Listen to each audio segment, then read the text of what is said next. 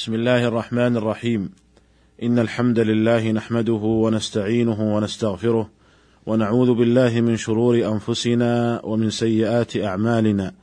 من يهده الله فلا مضل له ومن يضلل فلا هادي له. وأشهد أن لا إله إلا الله وحده لا شريك له. وأشهد أن محمدا عبده ورسوله صلى الله عليه وعلى آله وصحبه وسلم تسليما كثيرا. أما بعد أيها الإخوة المستمعون السلام عليكم ورحمة الله وبركاته. وحياكم الله تعالى في هذه الحلقة الجديدة من هذا البرنامج والتي سنتناول فيها الكلام عن مسائل وأحكام الضمان. نذكر جملة من مسائله وأحكامه في هذه الحلقة ونستكمل الحديث عنها في حلقة قادمة إن شاء الله تعالى. فنقول الضمان في اللغة مشتق من الضمن فتصير ذمة الضامن في ضمن ذمة المضمون عنه. وقيل مشتق من الانضمام لأن ذمة الضامن تنضم إلى ذمة المضمون عنه. وقيل من التضمن لأن ذمة الضامن تتضمن الحق. فهذه ثلاثة أقوال في اشتقاق الضمان من الضمن ومن الانضمام ومن التضمن. وقد رجح ابن عقيل الحنبلي رحمه الله رجح الأول أي أنه مشتق من الضمن والضمان في اصطلاح الفقهاء ضم ذمة الضامن إلى ذمة المضمون عنه في التزام الحق فيثبت في ذمتهما جميعا. وهذا هو تعريف الموفق ابن قدامة رحمه الله في المغني. وقيل في تعريفه هو التزام ما وجب على غيره وما قد يجب مع بقائه على مضمون عنه. وهل هناك فرق بين الضمان والكفالة؟ من الفقهاء من يطلق الضمان على الكفالة ومنهم من يطلق الكفالة على الضمان. ولكن غالب الفقهاء يطلقون الضمان ويريدون به التزام المال ويطلقون الكفالة ويريدون بها التزام التزام إحضار النفس. وهذا ما سنسير عليه في عرضنا لأحكام الضمان والكفالة إن شاء الله تعالى. ويسمي بعض الناس اليوم يسمون الضمان بالكفالة الغرامية ويسمون الكفالة بالكفالة الحضورية. وبكل حال لا مشاحة في الاصطلاح والضمان جائز بالكتاب والسنة والإجماع. أما الكتاب فقول الله تعالى في قصة يوسف مع إخوته ولمن جاء به حمل بعير وأنا به زعيم أي ضامن وكفيل كما روي نحو ذلك عن ابن عباس رضي الله عنهما وأما السنة فقول النبي صلى الله عليه وسلم الزعيم غارم. أخرجه أبو داود والترمذي وقال حديث حسن. وأما الإجماع فقد أجمع المسلمون على جواز الضمان في الجملة. والضمان من عقود الإرفاق والإحسان فلا يجوز أن يؤخذ عليه عوض. وقد اتفق على هذا جمهور الفقهاء من الحنفية والمالكية والشافعية والحنابلة. وعللوا لذلك بأنه يؤول إلى القرض الذي يجر نفعا. ووجه ذلك أنه في حالة أداء الضامن للمضمون عنه يكون العوض مقابل هذا الدفع الذي هو بمثابة قرض في ذمة المضمون عنه.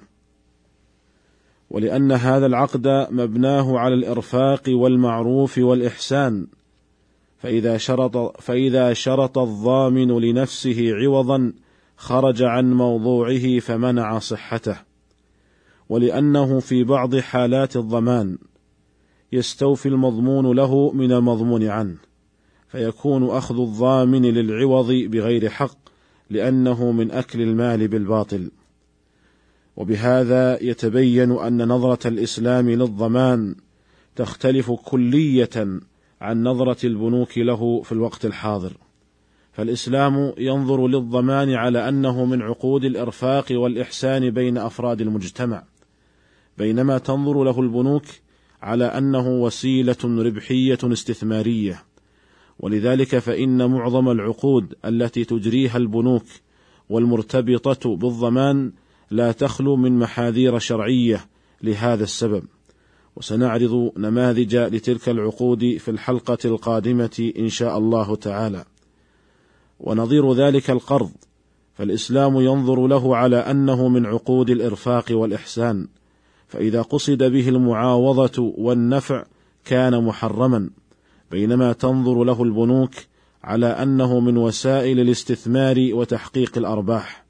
وقد سبق بيان ذلك مفصلا عند الكلام عن مسائل الربا وعن أحكام القرض. والضمان يثبت به الحق في ذمة الضامن مع بقائه في ذمة المضمون عنه. وقد اتفق الفقهاء على أن للدائن حق مطالبة الضامن بالدين إذا عجز المضمون عنه عن السداد أو ماطل في ذلك. ولكن هل للدائن مطالبة الضامن مع عدم تعذر استيفاء الدين من المضمون عنه؟ هل للدائن مطالبة الضامن مع عدم تعذر استيفاء الدين من المضمون عنه اختلف الفقهاء في ذلك. فذهب جمهور الفقهاء من الحنفية والشافعية والحنابلة إلى أن للدائن أي صاحب الحق مطالبة من شاء من الضامن أو المضمون عنه. وبناء على ذلك فله أن يطالب الضامن بالدين ولو مع عدم تعذر مطالبة المضمون عنه. واستدل الجمهور لهذا القول بقول النبي صلى الله عليه وسلم الزعيم غارم. ووجه الدلالة أن النبي صلى الله عليه وسلم أخبر بأن الزعيم الذي هو الضامن أخبر بأنه غارم ومعنى كونه غارما أي ملزما نفسه ما ضمنه. وبمقتضى هذا الالتزام يكون للدائن الحق في مطالبته بالدين ولو مع عدم تعذر مطالبة المضمون عنه. وعلل الجمهور لهذا القول بأن الحق قد ثبت في ذمة المضمون عنه بمقتضى الدين وفي ذمة الضامن بمقتضى الضمان فللدائن مطالبة من شاء منهما كالضامنين إذا تعذرت مطالبة المضمون عنه. هذا ما ذهب إليه جمهور الفقهاء في هذه المسألة.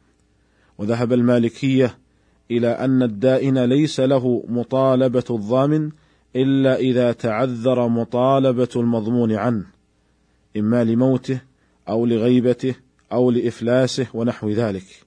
قال الإمام ابن القيم رحمه الله في بيان وجهة هذا القول إن الضمان استيثاق بمنزلة الرهن فلا يطالب الدائن فلا يطالب فلا يطالب الدائن الضامن فلا يطالب الدائن الضامن إلا إذا تعذرت مطالبة المضمون عنه لأن الضامن فرع ولا يصار إليه إلا عند تعذر الأصل كالتراب في الطهارة والكفالة توثقة وحفظ للحق فهي جارية مجرى الرهن لا يستوفى منه إلا عند تعذر الاستيفاء من الراهن والضامن لم يوضع لتعدد محل الحق وإنما وضع ليحفظ صاحب الحق حقه من الهلاك ويرجع إليه عند تعذر الاستيفاء.